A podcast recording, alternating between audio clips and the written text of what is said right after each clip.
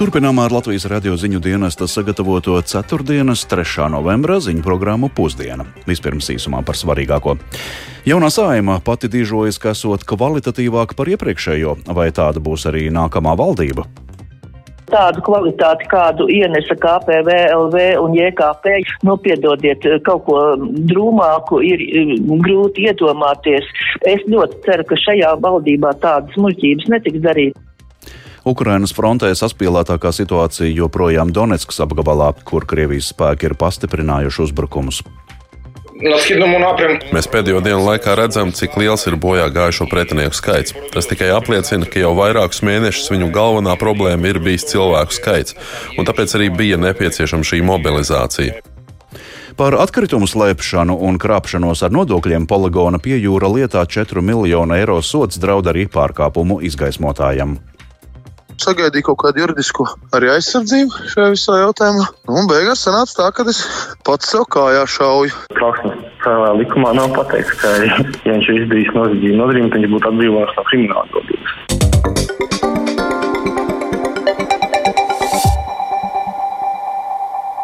Vai esam nākamās krīzes priekšvakarā un kādas grūtības pašreiz piedzīvo Eirozona? Šie un daudzi citi aktuāli ekonomikas jautājumi šodien ir Latvijas Bankas gadskārtajās konferences fokusā. Šogad tā ir īpaša, jo Latvijas Banka svin simtgadu jubileju. Esam sazinājušies šobrīd ar kolēģi Lindu Zalānu, kur atrodas Latvijas Nacionālajā bibliotekā, un klātienē sako līdzi starptautisko ekspertu diskusijai. Sveika, Linda! Sveicināti, ģirt, labdien, Latvijas radio klausītāji! Latvijas bankas rīkotā diskusija ir tikai sākuma posmā, kādi jautājumi jau līdz šim apspriesti.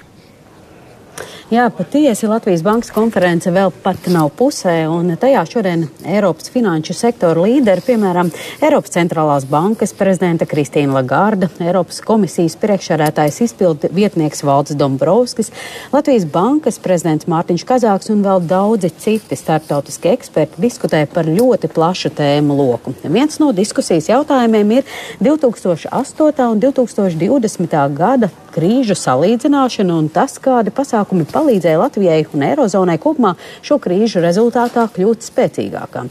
Tāpat diskusija fokusā tas, kādas grūtības pat labam piedzīvo Eirozona un vai tā ir nākamās krīzes priekšvakarā. Diskusija fokusā šodien ir arī zaļais kurs un tas, eh, ko tas nozīmē Eiropas iedzīvotāju dzīvē. Konference ar uzrunu atklāja Latvijas valsts prezidents Egils Levits, kurš uzsvēra, ka mēs dzīvojam laikā, kad pieaug ģeopolitiskie draudi. Krievijas izraisītā kara rezultātā Eiropa piedzīvo enerģētisko krīzi ar pieaugošu inflāciju. Tomēr Eiropas mērķis ir šo enerģētisko krīzi izmantot kā iespēju un izolēties no Krievijas ekonomiski. Pēc, prezident, pēc prezidenta teiktā pat labani ir īstais laiks atbrīvoties no Krievijas fosīlo energoresursu atkarības. Viņuprāt, Krievijas agresija pātrinās pārēju uz tīrākiem enerģijas avotiem, bet pat labam tas vēl nenotiekot pietiekami raiti. Savukārt Latvijas bankas prezidents Mārtiņš Kazāks atklājot konferenci uzsvēra, ka Latvijas bankas simtgadus jubileja nav joka lieta, bet tas ir tikai sākums, jo ir daudzi būtiski jautājumi, par kuriem jālem šodien un rīt un kurus nedrīkst atstāt nākamajām paudzēm.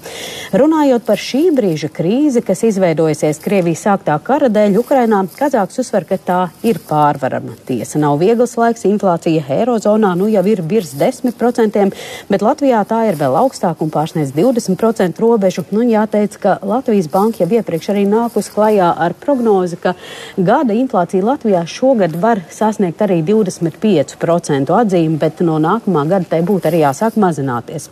Kazāks uzsver, ka līdz ar to monetārās politikas rīcība ir absolūti skaidra un vienkārša celt procentu likmes, lai mazinātu risku, ka šī inflācija iesakņojas, jo ilgstoši augsta inflācija ir milzīgs ļaunums ekonomikai. Kazāks uzsver, ka recesija Eirozonā ir jau bāzes scenārijs, bet tā būs relatīvi viegli pārvarama. Ģirt? Jā, un vai diskusijā izskanēja kādi tālākie Eiropas plāni, kā finansiāli palīdzēt Ukrainai? Jā, šodien uh, Eiropas komisijas priekšsēdētājs izpildu vietnieks Valds Dombrovskis um, diskusijā uzsvēra, ka labākais veids, kā tikt galā ar kara sekām, ir apturēt karu. Tāpat ir jādara spiediens uz Krieviju ar sankcijām, jāatbalsta Ukraina politiski, militāri un finansiāli. Viņš šodien nāca klajā ar paziņojumu, ka Eiropas komisijas priekšlikums ir nākamgad, Eiropas atba eh, nākamgad Ukrainas atbalstam novirzīt 18 miljārdus eiro. Par šo vēl jāpanāk Eiropas Savienības dalību valstu piekrišana. Tas būs pirmais solis šobrīd aktuālo Ukrainas vajadzību nosekšanai. Savukārt paralēli tiek strādāts arī pie ilgtermiņa ilgtermiņa, jeb rekonstrukcijas plānu Ukrainai.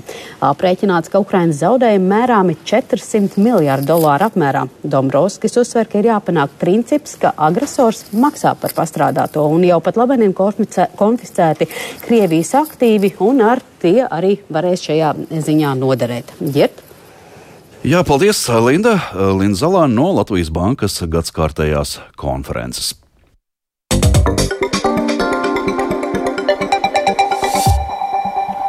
Šodien topošās koalīcijas partneri Jaunā vienotība, apvienotais saraksts un Nacionāla apvienība parakstīs sadarbības memorandu par tālāku darbību. Kāda būs jaunā koalīcija un kāpēc apvienotais saraksts ir piekāpies jaunās vienotības priekšlikumam izveidot jaunu ministriju, kas atbildēs par enerģētiku un klimatu, Latvijas radio aptaujāja politikas ekspertus. Vairāk Viktora Demīdova ierakstā.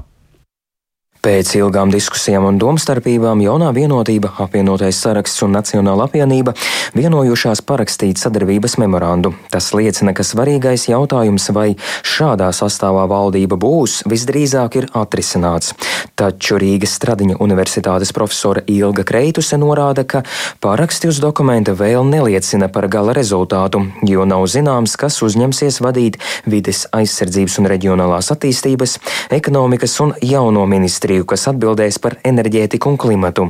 Taču politoloģi uz topošo valdību raugās optimistiski. Tādu kvalitāti, kādu ienesa KPV, LV un JKP, jeb konservatīvā partija, nu, piedodiet, kaut ko drūmāku ir grūti iedomāties, kā šos cilvēkus, arī to, ko sastrādāja gan Bordāna kungs ar savām izdarībām, gan, nu, piedodiet, arī neprofesionālais Pauļuts, domāju, veselības jomā.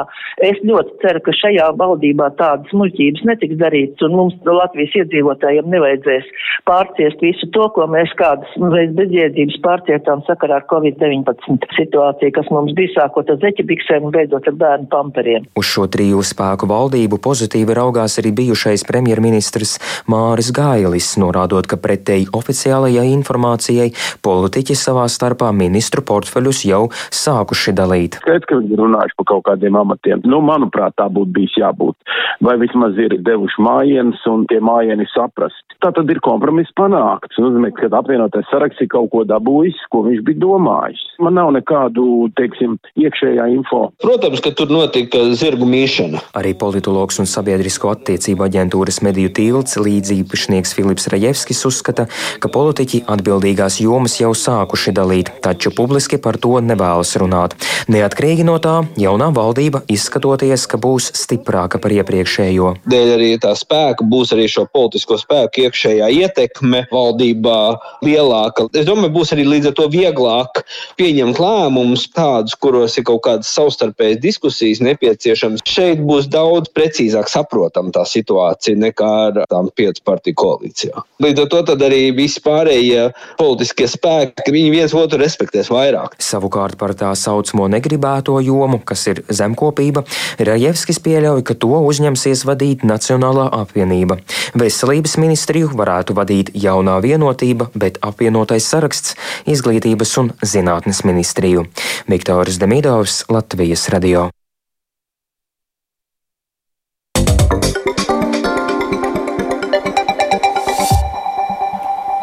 Ukrainas frontē vissaspīlētākā situācija joprojām saglabājas Donetskas apgabalā, kur Krievijas spēki ir pastiprinājuši savus uzbrukumus. Ukrainas bruņotajiem spēkiem pozīcijas izdodas noturēt, taču arvien lielāku spiedienu izraisa arī milzīgais mobilizēto Krievu karavīru skaits. Par situāciju Ukrainas austrumos stāsta Ukrainas bruņoto spēku austrumu grupējumu pārstāvis Serhijas Čerevatīs.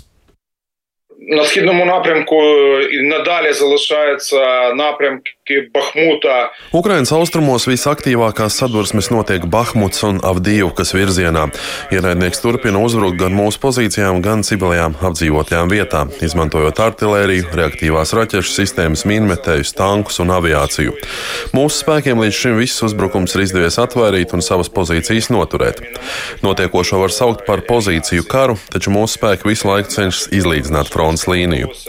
Bahmuts un Donetskas virzienā ir iesaistīti gan Kadīra Eiroviešu kaujinieki, gan algoķi no Wagnera grupas. Tieši Wagnera kaujinieki ir galvenais trieciens spēks, kurš tiek izmantots tajās vietās, kur Krievijas spēki vēlas sasniegt lielākos rezultātus. Nu, un, protams, arī mobilizētie. Mēs pēdējo dienu laikā redzam, cik liels ir bojā gājušo pretinieku skaits. Tas tikai apliecina, ka jau vairākus mēnešus viņu galvenā problēma ir bijis cilvēku skaits, un tāpēc arī bija nepieciešama šī mobilizācija. Jauniesaktie karavīri ierodas, bet militārā vadība viņus vienkārši sūta uz priekšu, lai atklātu mūsu ugunspozīcijas. ANO drošības padome noraidījusi Krievijas ierosinājumu izmeklēt iespējamo ASV bioloģisko ieroču izstrādes programmu Ukrainā. Ierosinājumu atbalstīja tikai padomes pastāvīgās locekles Krievija un Ķīna, bet noraidīja ASV, Lielbritānija un Francija. Desmit nepastāvīgās locekles balsojumā atturējās. Pēc balsojuma ASV vēstniece ANO Linda Tomas Greenfielda apsūdzēja Krieviju melu izplatīšanā. Russia tried and failed to claim that we had violated the BWC. Krievija nesekmīgi mēģināja apgalvot, ka mēs esam pārkāpuši konvenciju par bioloģiskajiem ieročiem. Šī gada septembrī notikušajā konsultatīvajā sanāksmē Ženēvā Krievija nesniedza nekādus ticamus pierādījumus, kas pamatotu šos nepatiesos apgalvojumus. Neraugoties uz to, ka Krievija ļaunprātīgi izmantoja šo procesu un tieši tāpēc, ka mēs ievērojam konvenciju par bioloģiskajiem ieročiem un tās noteikumus, Amerikas Savienotās valstis un Ukraina Ženēvā izskatīja Krievijas apgalvojumus punktu pēc punkta un atspēkoja katru no tiem. Karš Ukrainā, Maskavas enerģētiskā šantāža un Krievijai draudzīgu politisko un ekonomisko grupējumu darbība ir nopietni destabilizējusi situāciju Moldovā. Valsts prezidente Maija Sandu brīdina, ka Kremlis un tā vietējie sabiedrotie vēlas panākt varas maiņu, lai nepieļautu Moldovas virzību uz dalību Eiropas Savienībā un NATO. Vairāk Ulda Ķesbera sagatavotajā sižetā. Moldova šoruden piedzīvo grūtus laikus. Kaimiņu valstī Ukrainā notiekošais karš pēdējās nedēļās ir tieši skāris arī Moldovu. Šonadēļ valsts teritorijā nokrita atlūza no Krievijas raķetes, bet pēc oktobrī notikušajiem Krievijas masīvajiem uzbrukumiem Ukrainas energoapgādes infrastruktūrai Moldova vairs nevar importēt elektrību no Ukrainas. Līdz šim Moldova no Ukrainas iepirka aptuveni 30% patērētās elektrības. Savukārt Krievijas enerģētikas uzņēmums Gazprom par 40% samazināja dabas gāzes piegādi Moldovai. Moldovas prezidente Maija Sandu šonadēļ uzrunājot kaimiņu valsts Rumānijas parlamentu, sacīja, ka Moldova piedzīvo savā vēsturē lielāko enerģētisko krīzi un pastāv augsts risks, ka šodien valsts var palikt bez gāzes un elektrības. Pentru consumatorii moldoveni, tariful la gaze. Moldovas patērētājiem gāzes tarifs pēdējā gada laikā ir palielinājies sešas reizes. Tas ir divas reizes lielāks nekā Rumānijā. Nemazāk nopietni ir situācija ar elektrību. Pēc tam, kad Krievija bombardēja Ukrainas elektrotīklu, Gazprom uz pusi samazināja Moldovai piegādātās gāzes apjomu. Mēs darām visu iespējamo, lai taupītu elektroenerģiju, un valdība cenšas palīdzēt cilvēkiem ar zemiem ienākumiem. Šāda enerģētiskā ievainojamība veicina politisko šantāžu un iejaukšanos Moldovas iekšējā un ārējā politikā.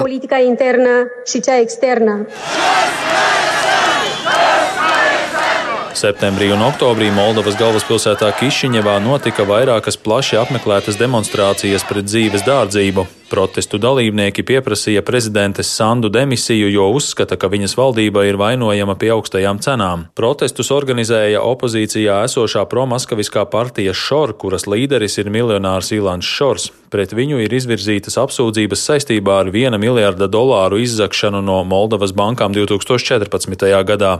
ASV Finanšu ministrijā 26. oktobrī Šoru un vēl vienu prokremlisko politiķi Vladimiru Plahotņuku iekļāva melnajā sarakstā sarakstā.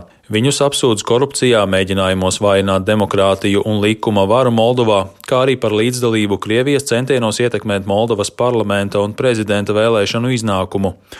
Prezidente Sandu sacīja, ka Krievijas karu pret Ukrainu izmanto zāgļu grupējums, kas kopā ar promaskaviskajām partijām vēlas izraisīt haosu Moldovā. Arī izdevums The Washington Post, atsaucoties uz Ukrainas izlūkdienestu materiāliem, pagājušajā nedēļā vēstīja, ka Krievijas federālais drošības dienests aktīvi strādā pie tā, lai gāstu Moldovas valdību.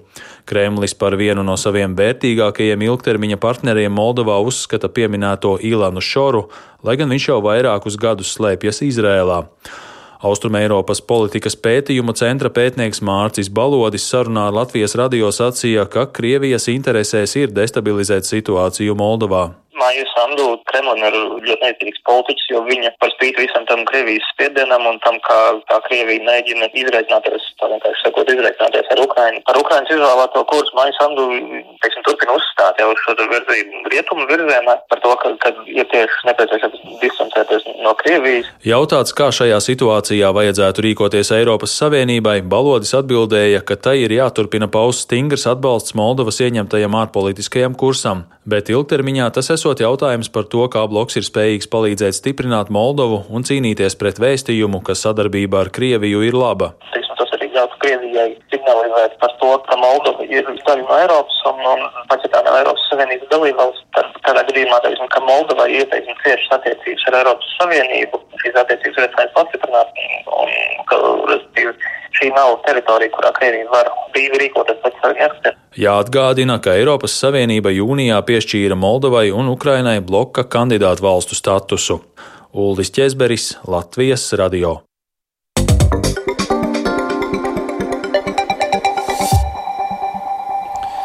Pats sev kājā šāvu, tā saka apsūdzētais, kurš šodien Kurzemes rajona tiesā gaidīs spriedumu paziņojumu.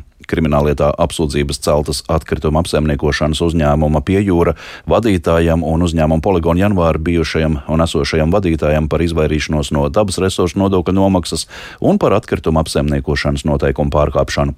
Prokuratūra prasa solidāri valstī atmaksāt radīto kaitējumu - vairāk nekā 4 miljonus eiro. Uz apsūdzēto sola arī nebūšanu izgaismotājs. Plašāk par visu Lindas Spundiņas ierakstā kad pirms vairāk nekā diviem gadiem atkrituma apsaimniekotāji pie jūra poligona janvāra šķirošanas stācijā Tukumā izcēlās ugunsgrēks, vidas inspektori secināja, ka tur uzglabā vairāk atkritumu nekā tie ir reģistrēti. Par to arī uzņēmums samaksāja soda naudu. Pēc kāda laika tiesību sargājošajās iestādēs vērsās trauksmes cēlājs un saņemts tika arī pašvaldības deputāta iesniegums par to, ka pie jūra izvairās no dabas resursu nodokļu nomaksas. Prokuratūras ieskatā atkritumi, par kuriem būtu jāmaksā nodoklis, tika reģistrēti kā bioloģiskie atkritumi. Tāpēc prokuratūra cēla apsūdzību Ērikam Zaporožecam, jo viņš ir vienīgais uzņēmuma valdes loceklis. Savukārt poligona janvāra bijušais vadītājs Ingvars Lērks un viņa pēctecis Inārs Zaļums valsts apsūdzības ieskatā ir atbalstījuši Zaporožeca darbības. Pēc šī panta prokuratūra Zaporožicam prasa sodu, brīvības atņemšanu septiņiem mēnešiem, atņemt tiesības ieņemt vadošu amata atkrituma apsaimniekošanas uzņēmumos uz pieciem gadiem. Lērham 180 stundu sabiedriskais darbs, atņemtas tiesības ieņemt vadošu amatu atkrituma apsaimniekošanas uzņēmumos uz diviem gadiem, savukārt zaļumam brīvības atņemšana uz sešiem mēnešiem un ieņemt vadošu amatu uz trim gadiem aizliegts. Tiesības sargājošās iestādes vēlāk saskatīja, ka ir arī ceļama apsūdzība par atkritumu apsaimniekošanas noteikumu pārkāpšanu, ja ar to radīts būtisks kaitējums. Pēc šī panta apsūdz tikai Zaporožets un Lerhu. Zaporožetsam brīvības atņemšana uz 11 mēnešiem, bet Lerham 220 12 stundu sabiedriskais darbs. Tādu sodu prasa prokurors Roberts Stīvriņš. Par atkritumiem, par kas ir apglabāti, kas nav, par kuriem jārēķina nodoklis, par kuriem nav jārēķina nodoklis. Nu, to nevar nezināt attiecīgās personas. Valstī kopējais nodarītais kaitējums mērāms vairāk nekā 4 miljonu eiro apmērā, un to solidāri prokuratūra prasa piedzīt no apsūdzētajiem. Man vienkārši šķīta, ka, ka kaut kas īsti varbūt nav precīzi vērsos pie tā valdes locekla. Arī jau iepriekšējā valdē, arī pirms ērikas tur jau kaut ko ieminējos un teicu, ka man šķīta, ja strādāju agrāk, nu, iepriekš par vidas speciālistu. Man liekas, ka kas nav iespējams kārtībā, bet, nu, es tomēr, zinu, kā tāds jauns, tikko tajā nozarē strādājis, Nu, es domāju, nu, varbūt es kaut ko tur, kā saka, zināmā mērā nesaprotu. Kā tur neviens neņēma, kas saka par to par nopietnu. Es pateicu vienā dienā, kad, nu, zināmā mērā, ir, nu, man šis viss tur tāda nozākāšana, publiski, zināmā mērā, tur sapulcēs. Tas vienkārši tā kā, zināmā mērā, uzrakstīja atlūgumu. Un... Situāciju skaidro viens no apsūdzētajiem Ingvers Lērks. Pēc aiziešanas no darba viņš vērsās pie atsevišķiem Talsu novada domas deputātiem. Tas viņu vienkārši informēja, ka man šķiet, ka tur ir tā. Tad mēs tur kopistiski sagatavojām iesniegumu, un tad man tur zvanīja nu, no policijas. Nu, es tur, protams, gāju un teicu visu, kas man šķiet, kas man arī likās, lai gan es tur arī tos dokumentus parakstījis, bet nu, es tur nevienā brīdī neslēpu, kad es tur esmu deputātiem kaut kādu informāciju devis un tā, un nu, sagaidīju kaut kādu juridisku arī aizsardzību šajā visā jautājumā. Nu, un beigās sanāca tā, ka es pats sev kājā šauju. Viņš pēc būtības nav attīstīts par trauksmes cēlāju, kas ir viens. Otrs trauksmes cēlāja likumā nav pateikts, ka, ja viņš ir izdarījis noziedzību nodarījumu, tad viņš būtu atbrīvots no krimināla atbildības. Vismaz es tā saprotu. Tas, ka viņš to ziņoja, viņš sadarbojas ar izmeklēšanas iestādēm, tas tika ņemts vērā, un tāpēc attiecīgi viņam ir savādāks sots prasīts ar brīvības atņemšanu nesaistīts to. Skaidro prokurors Stīvriņš. Uzņēmumu piejūra kapitāla daļas pieder Talsu, Tukumu un pavisam nedaudz Jūrmālas pašvaldībai. Jāpiemina, ka lietā apsūdzētie vainu neatzīst. Linda Spundiņa, Latvijas radio. Gatavot ēst, iet iepirkties, rēķināt savu budžetu. Tā ir jauna pieredze, kas cilvēkiem ar garīgu raksturu traucējumiem jāapgūst pārceļoties no sociālās aprūpes namiem uz grupu dzīvokļiem. Valmieras novadā šoruden šādi grupu dzīvokļi atklāti Masalacā un Rūjienā. Tie izveidoti deinstitucionalizācijas projektā Vidzeme iekļauj. Plašāk par šo tēmu Vidzemes korespondentes Gontas Matisonas ierakstā. Nu, lūk, te dzīvo puisis Vents. Vents Samuls ir viens no 13 maslātas grupu dzīvokļu iemītniekiem. Istabiņa, kurā viņš mīt, ir neliela, bet tikko izremontēta. Puisis stāsta, ka šo iespēju gaidījis jau piecus gadus, jo līdz šim mitis pansionātā rūja. Viņš šeit ir pavisam savādāk. nu, labāk tev viss ir. Brīvība. Tas nozīmē gulēt, var cik grib. Un, ja tu uz pilsētu un braukt uz Valmieru ar autobusu, pie mammas ciemos var braukt. Pats tā jau es, pats īsti, pašam savu īstenību, pats savu kungs. Laipni lūdzu, laipni lūdzu. Apskatīties, kā iekārtojuši savu jauno māju vietu, aicina arī Baiba un Lauris. Viņi sadraudzējušies pansionātā un tagad ieguvuši kopēju dzīvokli, kurā katram ir sava istaba. Nu, sākumā mēs bijām pansionātā, tā piedāvāja pusceļu māju, tur padzīvojām, pēc tam ir radās iespēja te nonākt. Jā, nē, bet uz pansionātā man tā ir grūtāk dzīvot. Un tu kā pašais un es pašu par sevi dzīvošana nav slikta šeit. Jā, ka nav dzīvošana slikta. Jā, brīvi galvenais, ka brīvi. brīvi. Jā, labāk ir nekā brīvi. Baiba un Lauris arī neslēpja, ka tagad jāmācās arī pašiem rēķināt savu budžetu, kas nebūtu nesot viegli. Tas nav viegli. Es te nopirku krējumu, pienu un kaut ko vēl tādu nelielu tādu, un man jau pie 10 eiro bija jātērē. Pansionātā līdz jāskaita nebija. Nē, pansionātā nebija. Pansionātā barot uz iecīs. Es skaitīt nemāku, lasīt nemāku. Un tad ja palīdz rēķināt naudu, ka veiklā tur nepieties. Kopā ejam uz veikalu, kopā pērkamies. Bet kā stāsta sociālā rehabilitētāja Liena Zaļkalna, tad šajā ziņā palīdz arī atbalsta personāls. Kurš rēķina pats, kurš māk rēķināt, kurš saprot no tām naudām, un, un tie, kuri nemāk, tad tiem es personīgi eju līdzi uz veikalu, mēs skatāmies, salīdzinām cenas un izvēlamies to, kas ir kabatai. Dzīvojot grupu dzīvokļos, daudz kas tagad ir jāmācās no jauna, jo būtībā jau tagad ikdienas šejienes iemītniekiem ir tāda pati kā ikvienam no mums. Bet to, ka šis pakalpojums cilvēkiem ar garīgi raksturu traucējumiem ir pat ļoti nepieciešams, apstiprina lielā interese par iespēju dzīvot grupu dzīvokļos. Jāteic, ka pirms gadiem sešiem, kad Valmijas novadā tika uzsākts deinstitucionalizācijas projekts, sociālajiem darbiniekiem bija pat ļoti liels bažas, kā cilvēki ar garīgi raksturu traucējumiem, kur pieraduši dzīvot ilgstošas aprūpes centros, iejutīsies pastāvīgā dzīvē. Valmierā šie grupu dzīvokļi ir jau ceturto gadu, un par pieredzi stāsta novada pašvaldības sociālo lietu pārvaldes vadītāja Kāja Muciniec. Mums visiem bija bažas, jo mēs īsti nezinājām, ko nozīmē, ka sabiedrībā, ne institūcijā, bet tieši sabiedrībā patstāvīgi dzīvo cilvēki ar garīgu raksturu traucējumiem. Paldies Dievam, mūsu bažas izrādījās aplams. Jāpiebilst, ka domājot par cilvēkiem ar īpašām vajadzībām, Maslacā reizē ar grupu dzīvokļiem tagad ir pieejama arī sociālās rehabilitācijas un dienas aprūpas centra pakalpojumi. Savukārt Rūjienā, bijušās slimnīcas sēkā, izveidot 16 grupu dzīvokļu un arī dienas aprūpas centrs. Bet Valmjerā top jauns, daudzfunkcionāls sociālo pakalpojumu centrs - Gunta Matisona Latvijas Rādio vidzemē. Izskan 3. novembra ziņu programma Pusdiena. Producents Edgars Kopčs par labskaņu rūpējās Katrīna Bramberga un Renārs Šteimanis, studijā ģercauzāns. Vēl īsi par svarīgāko. Jaunā sājuma dižojas, ka esot kvalitatīvāka par iepriekšējo. Latvijas Bankas simtgades konferencē mūsu valstī prognozē vēl lielāku dzīves dārdzību, runā par bargākām sankcijām Krievijai un Ukrainas atbalstam nākamajā gadā Eiropa apsola 18 miljārdus eiro. Ukrainas frontē smagākā situācija joprojām Donetskas apgabalā, kur Krievijas spēki ir ir pastiprinājuši uzbrukums. Par atkritumu slēpšanu un krāpšanos ar nodokļiem poligona pie jūra lietā 4 miljonu eiro sods draud arī pārkāpuma izgaismotājiem. Mūsu ziņām var sekot līdzi arī Latvijas Rādio 1 Facebook lapā un sabiedrisko mediju portālā LSMLV. Yeah.